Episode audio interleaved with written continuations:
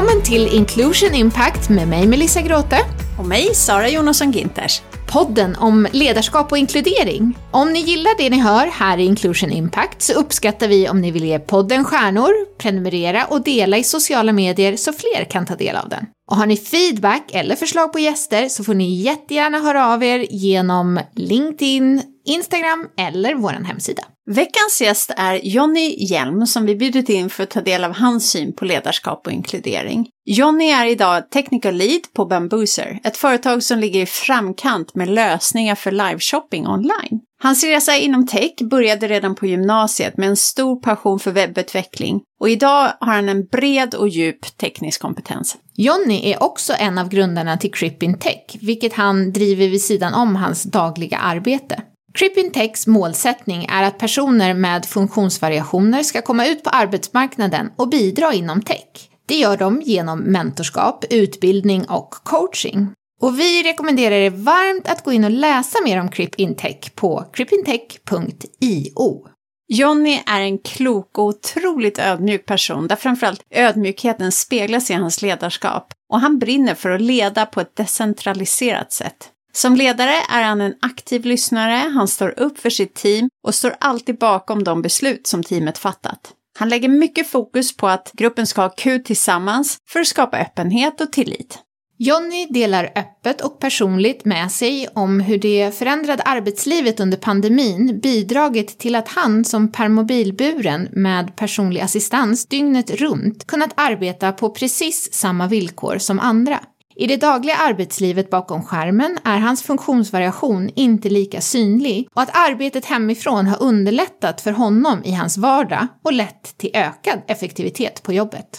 Utöver sin karriär inom tech avslutar Jonny veckorna tillsammans med Mandy Rich med att släppa ett nytt avsnitt och en ny drink i deras podcast Fredagsdrinken. Men nu är du välkommen att lyssna och ta del av ett personligt och generöst samtal med Jonny som med ledorden lyssna med nyfikenhet och led med omsorg är en perfekt gäst i veckans avsnitt av Inclusion Impact som har spelats in i Zoom.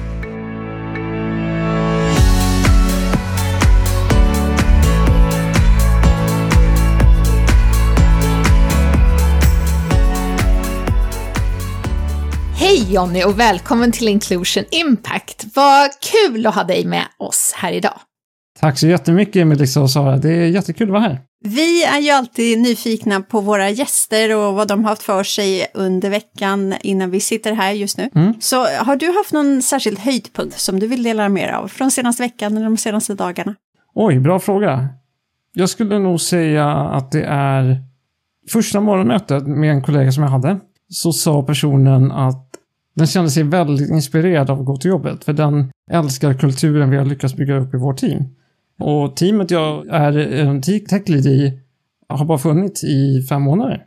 Och vi har lyckats på fem månader bygga upp en väldigt bra kultur i teamet. Och det är jätteskönt från mitt perspektiv att höra att personen bekräftar att vi har byggt upp en bra kultur. Så det är min höjdpunkt den här veckan. Ja, vilken härlig feedback. Vad, vad är det i kulturen du tror som gör det där? Jag försöker bygga upp en väldigt decentraliserad bit av vårt team. Jag vill inte ha någon styrande roll och jag brukar sällan säga att jag har ett team under mig, utan vi är ett team tillsammans. Och jag hoppas att samtliga i mitt team kan känna att deras åsikter är värdefulla, de kan ta egna beslut. Det enda viktiga är att jag kanske är accountable för det beslut som vårt team tar. Det är det jag skulle säga är det bästa med vår kultur. Mm. Spännande. Vi kommer ju in mer på ledarskap och inkluderingsdelen lite längre fram in i podden. Men till att börja med så skulle du kunna berätta lite mer om dig själv och din bakgrund och den rollen som du har idag? Absolut. Ja, Jonny heter jag då. Bor för närvarande i centrala Solna tillsammans med min lilla hund Sture. Och det hela egentligen började för 12 år sedan när jag gick gymnasiet många i min ålder då började diskutera vad ska man bli efter gymnasiet och allt sånt där.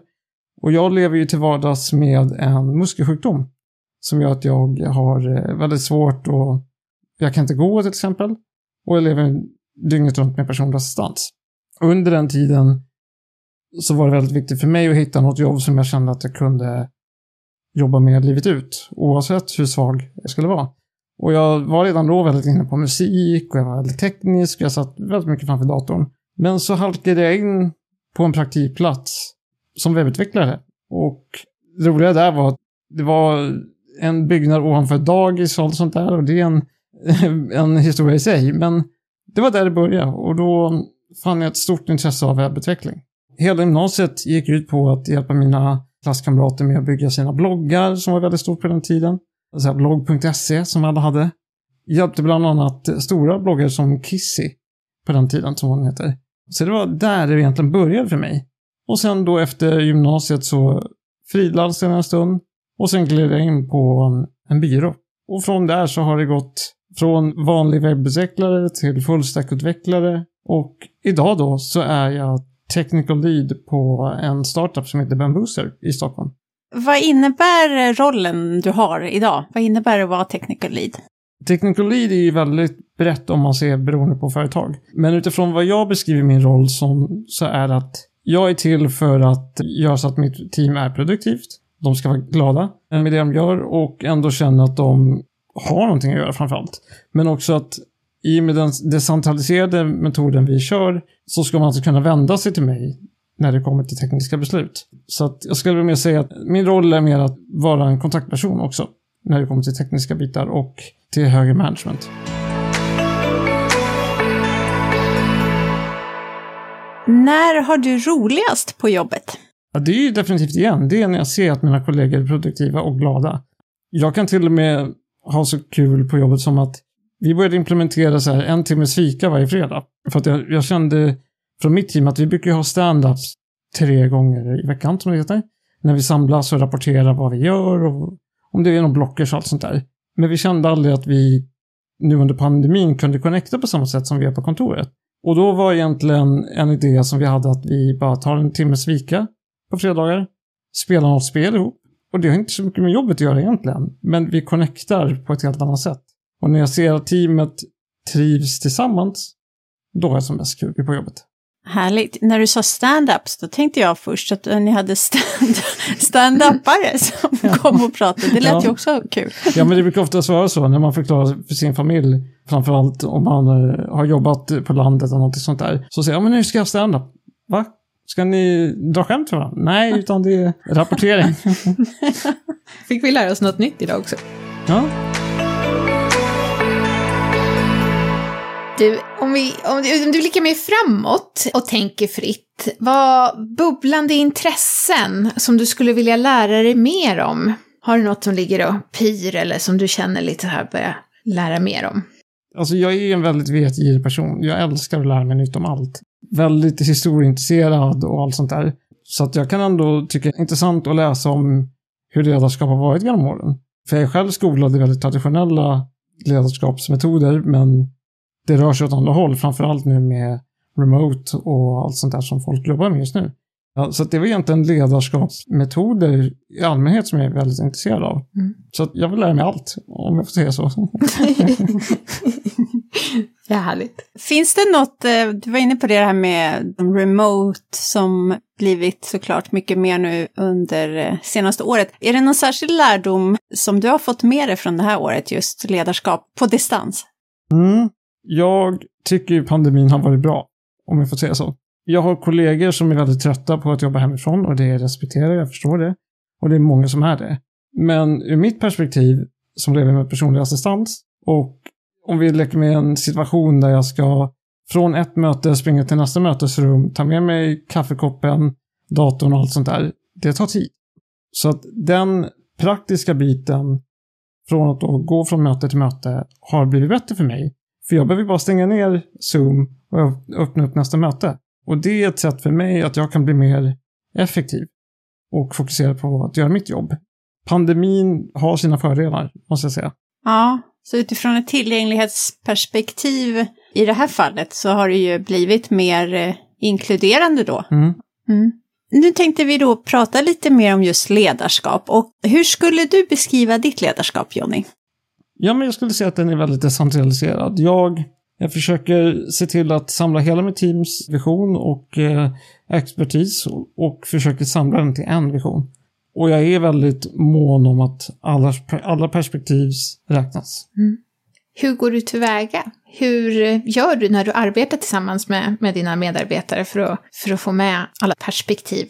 Det som är väldigt ovanligt för min roll är one-on-ones, som det heter. Det som jag tycker framförallt har varit viktigt nu under pandemin, det är att jag själv tar tid att ha en one-on-one med varje av mina kollegor.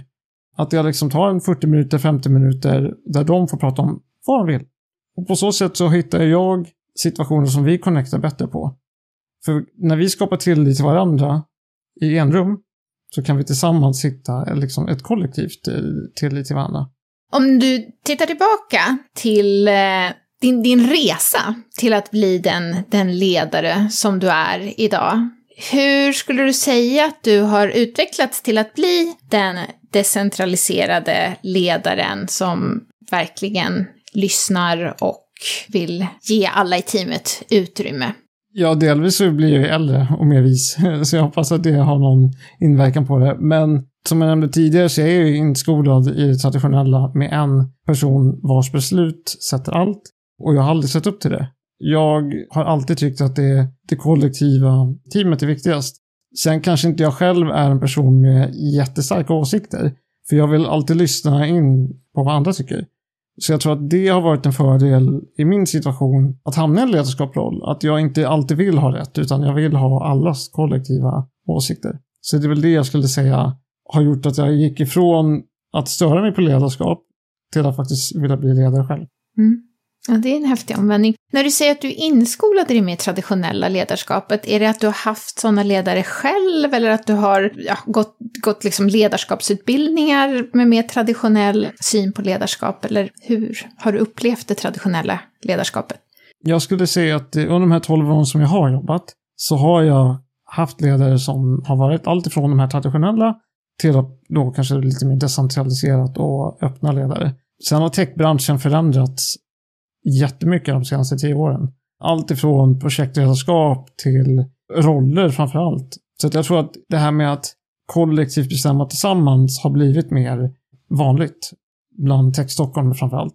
Att vi liksom ser så kallade cross-teams där alla har beblandade expertiser och inte att vi delar upp dem i, i monoteam som designers, utvecklare och backend och så vidare. Utan jag tror att hela techbranschen i sig har blivit mer beblandat.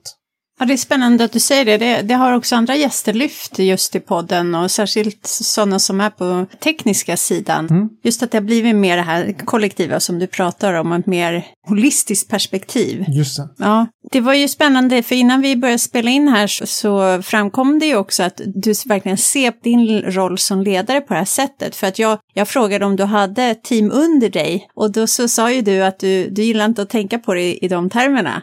Det tycker jag, det vittnar ju om precis det du har pratat om. Ja, men precis. Och det är väl också det som har med det traditionella, att det har alltid varit, vem har du under dig? Nej, jag har inte någon under mig. Så, att, så platt organisation som möjligt tycker jag är bra. Finns det något särskilt tillfälle eller någon händelse, så här, defining moment, som har påverkat dig som ledare, som du kan berätta om? Ja, djupa frågor här. Mm. det är bra. Ja, men alltså, återigen till pandemin kan vi då ändå gå tillbaka.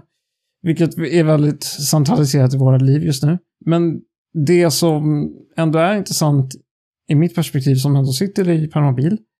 På ett sätt tycker jag alltid att jag gör mitt jobb lika bra som vem som helst. Men jag har ändå märkt att när vi ändå jobbar med varandra över Zoom så märks inte att jag sitter i rullstol. Och kanske inte ni reagerade på det heller också. Men när det väl kommer upp till ytan, till en ny kollega någonting, så blir allt alltid så här, oj, jaha, oj, har du har du ledarroll? Eh, oj, det visste jag inte. Så det är också intressant ur mitt perspektiv att på ett sätt har jag alltid behövt hävda mig i den situationen jag är i. Men i det här läget så är det som att det blir tvärtom. Efter att jag har bevisat att det jag gör är okej, okay, då ska inte min andra personliga situation spela någon roll. Men det påverkar folk när jag väl berättar det. Det får mig att tänka då på vad är det som gör då att de möter dig och det sitter ju hos många av oss eh, såklart med unconscious bias eller föreställningar om olika saker. Lite grann som du var inne på det här med unconscious bias och föreställningar. Vi är traditionella människor. Vi är skapta till att ha fördomar. Även jag har fördomar, även om inte liksom Även om jag sitter i rullstol liksom. Men i ett arbete då som jag ändå gör på sidan av som heter Creeping Tech tillsammans med en kollega som heter Viktor så säger jag hela tiden till mig och Viktor, vi är väldigt bortskämda. Vi har haft väldigt sällan motgångar när det kommer till just att visa att även om vi har funktionsvariation så um, gör vi ett bra jobb. Men det gäller bara att det är upp till oss att visa att vi gör ett lika bra jobb. Och under den tiden vi har jobbat i techbranschen så har vi ändå, vi sprider ringar på vattnet. För vi ser på folk att en månad med oss och det är inga konstigheter längre. Precis, bryta ner de där eh, barriärerna som Exakt. omedvetna fördomar och föreställningar utgör. Steg för steg, ring för ring, tänker jag, med de här ringarna på Mm. vattnet. Ja. Vi har ju haft förmånen att få prata med dig lite innan och höra om det arbete som ni gör inom Clipping Tech. Men jag tänker att det är så himla intressant så att eh, skulle inte du kunna berätta lite för våra lyssnare så de också får höra om ert arbete? Ja, absolut. Creeping Tech startades 2014 av mig och en person som heter Victor Johansson. Det hela började då som en podcast också, så det är lite meta i det här. Vilket vi också intervjuade personer med olika bakgrund i tech och allmänhet om sina passioner. Och delvis också lyfta att oavsett om du är kvinna, om du är invandrare eller om du har funktionsvariation så kan du fortfarande nå dina drömmar. Så det var det som egentligen var målet med den podcasten. Det i sin tur mynnade ut i ett eh, företag som vi egentligen på sidan av det vi gör på vårt heltidsarbete är att coacha och mentora personer med funktionsvariation att börja jobba inom tech. Med det sagt så har vi börjat fått lite partnerskap med olika företag när det kommer till certifiering och lite sånt. Men det stora målet med Crippin Tech är egentligen från mitt och Viktors perspektiv att lyfta att det finns arbetskraft där ute som söker jobb. Och vi anser att techbranschen är det perfekta yrket för personer med funktionsvariation eller om du lever med personlig assistans eller någonting annat. För den kan anpassa sig till alla. Hur har det mottagits hittills, skulle du säga, när ni kontaktar företag och organisationer? Det är lite grann som det här om vi pratar tjejer, kodar och allt sånt där. Techbranschen skriker ju efter diversity och inclusion. Alla vill ju med på det tåget. Så det är fortfarande en idé som framförallt Tech Stockholm nappar på. Men det som ändå är lite paradoxalt i det hela, det är att techbranschen vill ju fortfarande ha folk med kompetens. Så att, att delvis kunna coacha och mentora personer i techbranschen krockar lite grann när samtidigt techbranschen skriker efter kompetens. Så att vi försöker då hitta partnerskap med företag som kan utbilda de här personerna. För vi kan bara ge de mjuka värdena, hur det går på intervju och framförallt de expertiser vi har. Men utbildning gör ju allt. Så det är väl det vi riktar på oss just nu. Att få fler utbildade för att sen leda det till arbete. Du kanske har någon efterlysning här då, passa på, tänker jag, i podden här. Mm. Vilka, vilka söker ni, så att säga? Vilka modiga, eller bolag i framkant, vill ni höra av, så att säga? Ja, alltså vi söker ju allt ifrån företag som är beredda på att liksom ta in personer som är hungriga på att lära sig nytt, som vill jobba inom tech. Och vi, vi har ett gäng som fortfarande står där och vill bita tag i någonting. Så egentligen vilket företag som helst inom tech som vill eh, hjälpas åt. Kontakta Crippin Tech idag. Mm. Creep.io finns också om man vill gå in på det.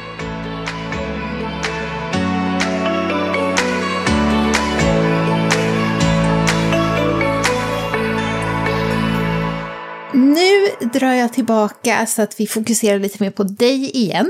Och den här frågan intresserar oss att eh, förstå lärdomar som du har gjort. Och kanske lärdomar som kommer från, det är oftast från misstag som man kanske får sina allra största lärdomar. Så skulle du kunna dela med dig av ett misstag och framförallt vad du har lärt dig från det misstaget? Ja, alltså framförallt som produktteam i techbranschen så hamnar man lätt i survival mode, som det heter. När man som team hamnar i ett läge där både prioriteringar och roadmap behöver kastas om. Det misstaget jag kanske har gjort ett par gånger under min tid som ledarskap är att inte fokusera på de individuella situationerna, utan jag har alltid försökt släcka branden.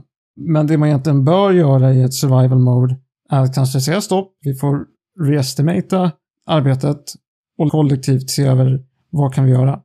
Istället för då, ur mitt perspektiv, försöka släcka branden. För det är ändå som sagt teamet som ska må bra. Världen går inte under om roadmappen blir oprioriterad. tror jag fler kan relatera till när stressen sätter in. Precis.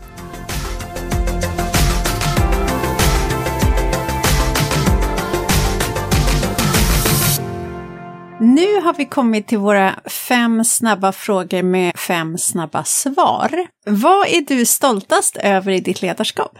Att jag kan sätta bra kultur. Vad tycker du är svårast med att leda? Starka åsikter.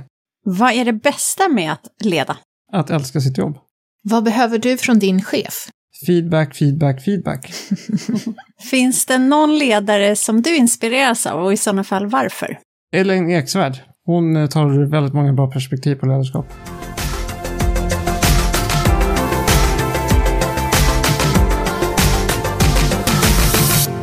Nu har vi då pratat en del om ledarskap och vi kommer in på poddens andra ämne som är inkludering och det har ju du också touchat lite kring när du har pratat om ditt ledarskap. Men om du skulle beskriva inkludering med eh, dina egna ord, hur skulle du beskriva inkludering, vad det är för dig då? Inkludering för mig är ju framförallt perspektiv. Många gånger pratar man ju om mångfald som att man ska försöka inkvotera en viss typ av människor. Men för mig så handlar inkludering om att få med allas perspektiv. Jag tycker de bästa företagarna där ute är ju de som faktiskt är breda med perspektiv och har breda erfarenheter. Så, så att ledarskap för mig är att man ska vara duktig på att ta in allas perspektiv. Det är inkludering för mig. Nu är vi inne på det här, men just din roll då som ledare i att få med alla perspektiven, hur ser den ut och hur gör du det konkret? Ja, men som sagt, allting handlar om tillit. Om vi går tillbaka till situationen som var innan pandemin bröt ut. De stunderna som vi bygger tillit till våra kollegor är ju kaffet vid kaffeautomaten.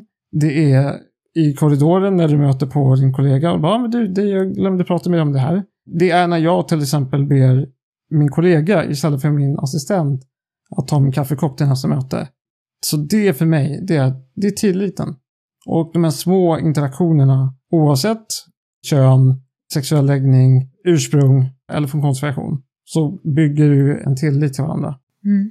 Jag tänker på det du pratade om tidigare, den här kulturen som ni har skapat inom teamet de här senaste fem månaderna och tilliten och prata om de här små sakerna. Vad tror du mer är det som skapar den här tilliten och den här kulturen?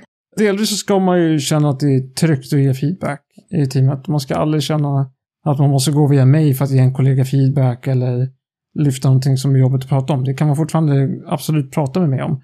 Men våga ha kul. Det är inte bara 9 till 5 och göra det som står på din to-do-list, utan små interaktioner som jag nämnde tidigare med att ta en fika om ni känner att det är stressigt. Spela något spel ihop och sen gå tillbaka till jobbet. Och framförallt i vårt team så ser vi till att ha så kallade mob sessions. Och det betyder att vi tillsammans samlas, en utvecklare tar upp ett problem och vi tillsammans kollektivt hjälper till och kodar fram lösningen på problemet. Det är de här små interaktionerna skulle jag säga som gör all nytta. Mm.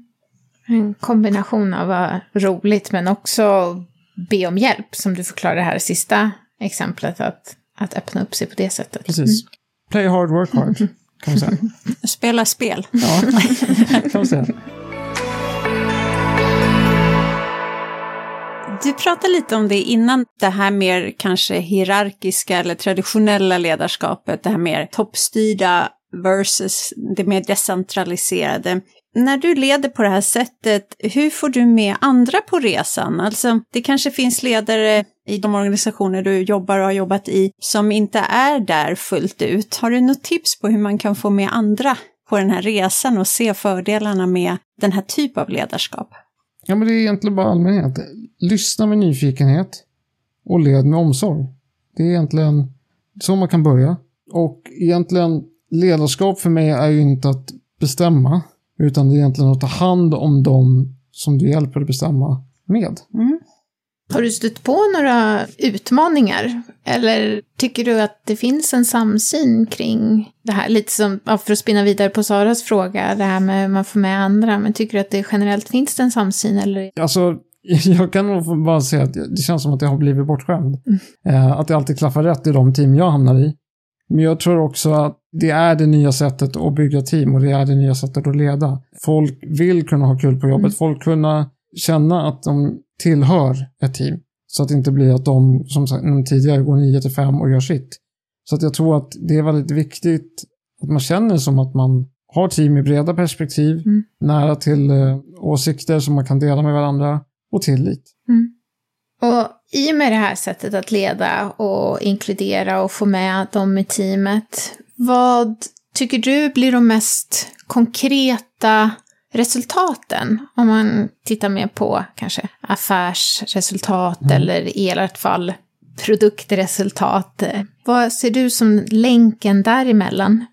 Om mina teammedlemmar har kul på jobbet och de känner att de kan ha en bra work-life balance, då vet jag att, inte för att jag ber dem jobba sent, men om jag ser att min kollega jobbar sent för att det är kul, det är ett sätt för mig att man kan mäta bra siffror. Alltså om vårt team är bra och de vågar liksom experimentera, de tycker det är kul att jobba sent även om inte jag vill att de gör det.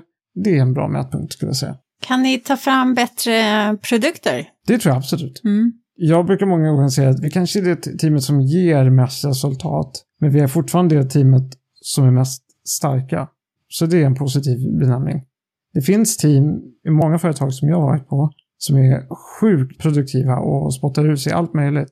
Men de stannar inte längre, utan de ser kanske ingen samhörighet i team. Men oftast i de team jag varit i så tycker man om att jobba med varandra. Man stannar minst ett år på företaget man jobbar på.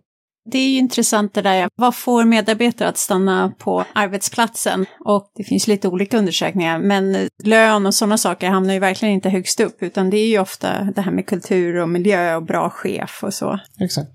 Det diskuteras ju en del ifall man kan mäta inkludering på olika sätt. Mångfald eller inkludering i sig. I fråga om nyckeltal eller andra delar och också återigen lite så här kopplat till affärs eller verksamhetsmål. Hur ser du på det här med att mäta inkludering? Kan man göra det och har du någon erfarenhet av det sedan tidigare? Jag tycker inte man kan göra det. Nej. Om det är någonting jag inte tycker om, då är det siffror. Alltså mätsiffror i allmänhet. Absolut så ska man ha Nordpolstjärnan att rikta sig mot som team med en extremt bra vision där som alla håller fast vid. Men jag gillar inte att vi, om vi skulle som team prata siffror, att vi ska nå så si så många kunder och allt sånt där, för det är så abstrakt. Och lika så är det med inkludering, för att pratar man siffror om det kommer till inclusion och diversity, så pratar man oftast inkvotering i de perspektiven jag har märkt. Och framförallt som funktionsvarierad så har det blivit så att vi måste inkvotera en person med funktionshinder. Delvis för att du kan få hjälp av Försäkringskassan att få betalt att ta in de här personerna. Så återigen, det kommer alltid tillbaka till perspektiv. De bästa företagen där ute som jag nämnde tidigare, de är ju breda i perspektiv. De, är, de har mycket mångfald, de är ja, men diverse i allmänhet. Och det viktigaste då är att om man samlar alla perspektiv så kan man ju få ett brett perspektiv. Men det är viktigt också att man jobbar då på kulturen och visionen. För att om man inte gör det, då kommer ju alla perspektiv dela sina egna grupper och jobba på sitt håll. Så att jag tycker inte man kan mäta inclusion i siffror, utan mäta istället i perspektiv och bygg då kultur och vision. Hur vet man då om man har många perspektiv? Bra fråga, men det, jag tycker återigen, det, det ska inte vara konstigt om ett företag på 100 anställda, om 10 av dem är i rullstol, eller 50-50 kvinnor och män. Det kan vara en och annan invandrare eller någon asylsökande till och med. Perspektiven handlar ju om människan. Oavsett var du kommer ifrån så kommer du bidra med ett bra perspektiv. Jag tycker bara inte att man kan mäta det. Jag tycker inte man ska ha som mål att okej, okay, om tio år ska vi ha 50-50 i ja, någon viss typ av personer.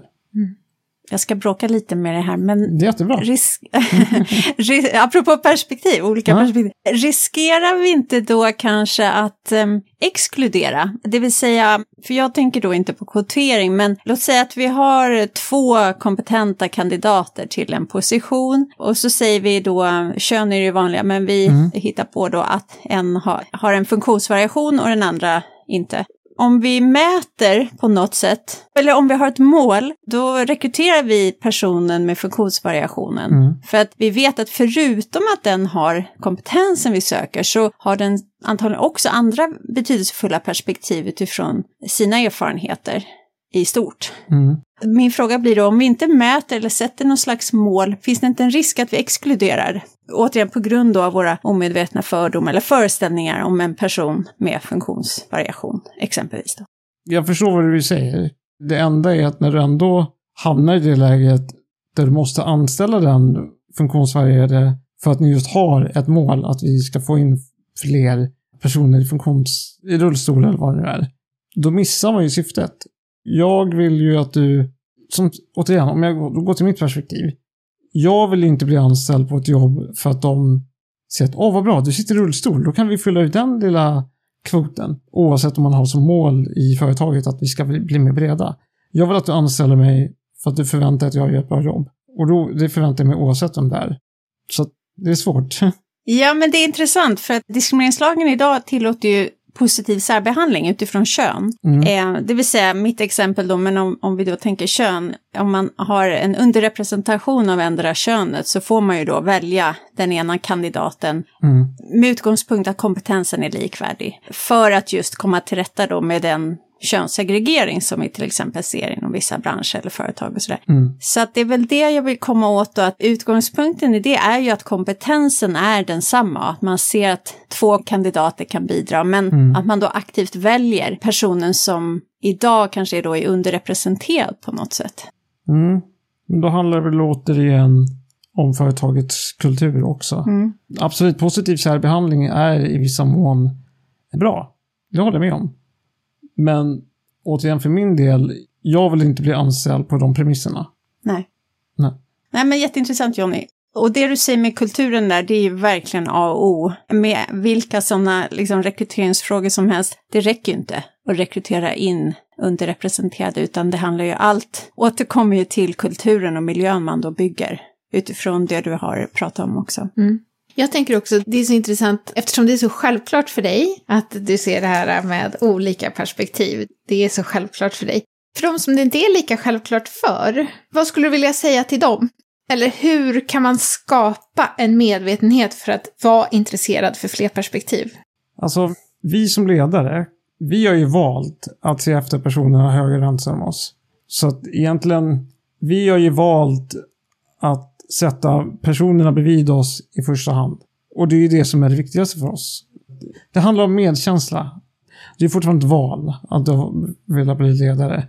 Och är du en ledare som kanske har svårt att veta om du ska lyfta ditt team eller om du ska ta ett perspektiv där du tar mer verkligen ledande roll där du styr. Så kanske man då ska ta ett steg tillbaka och se efter, är mina kollegor nöjda med sitt jobb? Är de nöjda med sitt jobb, då kommer du troligtvis själv vara nöjd med ditt jobb. Jag tycker du sa det så fint förut, jag skrev ner det här också. Lyssna med nyfikenhet och led med omsorg. Mm. Den satte sig hos mig också.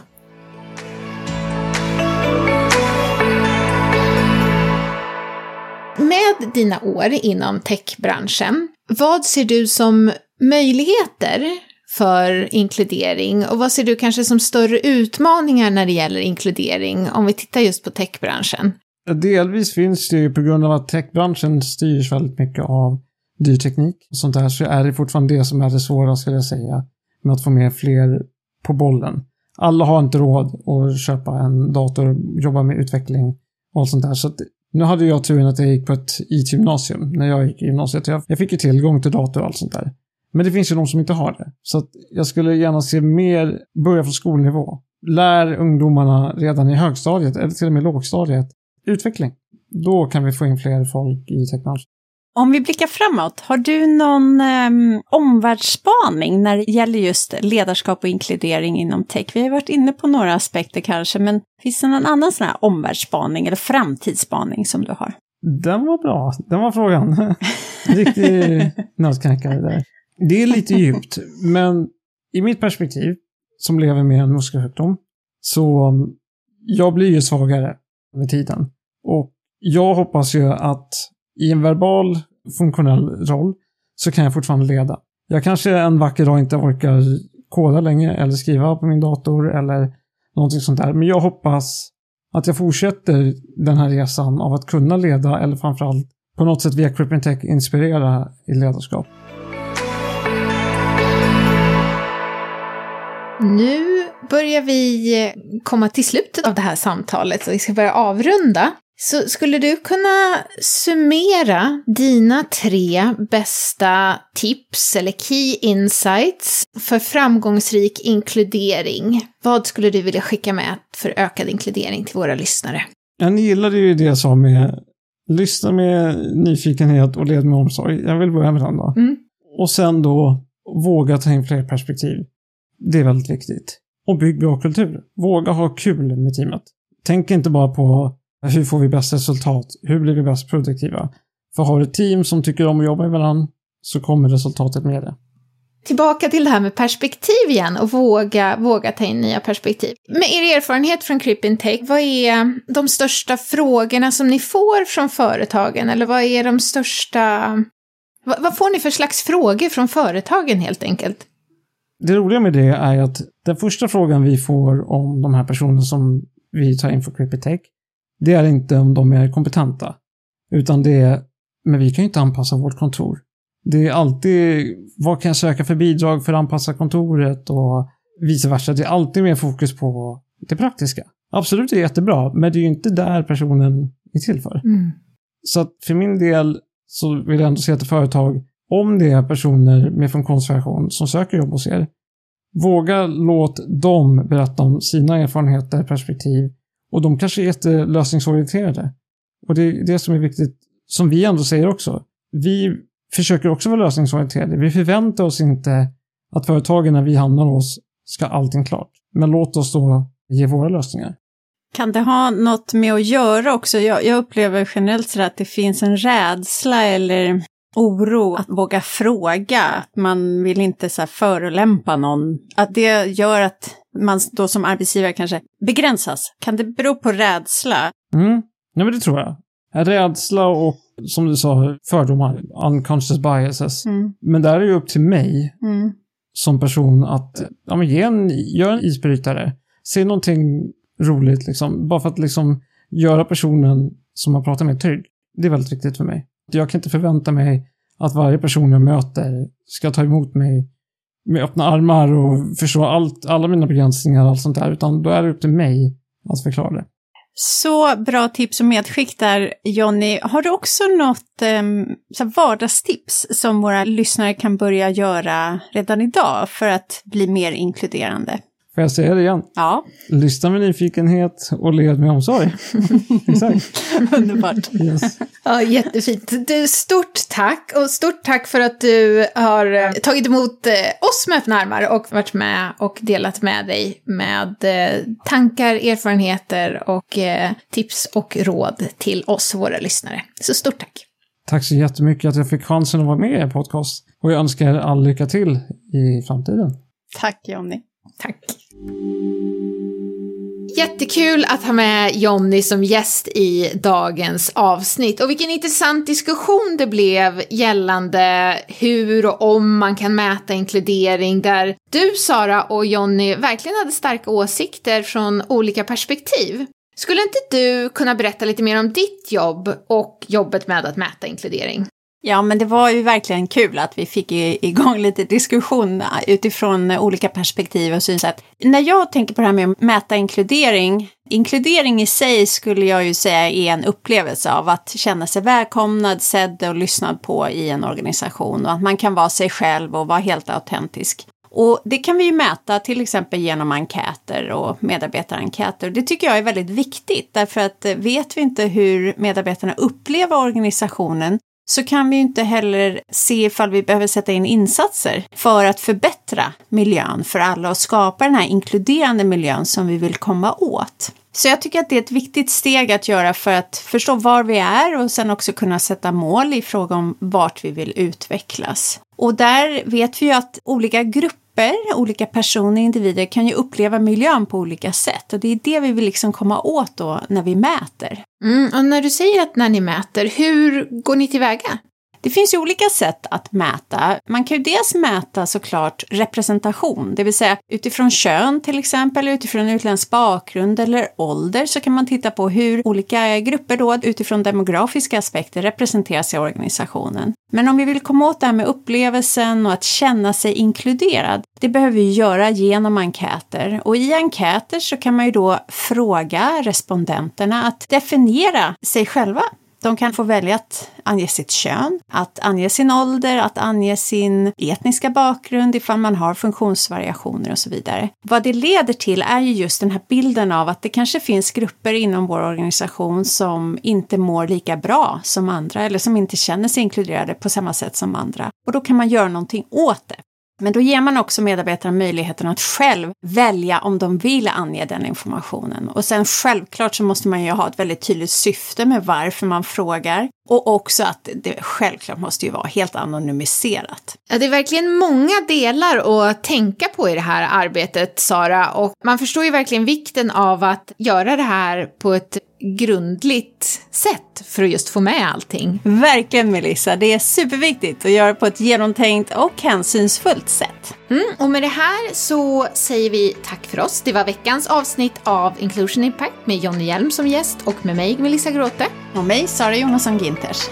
Tack för att ni har lyssnat.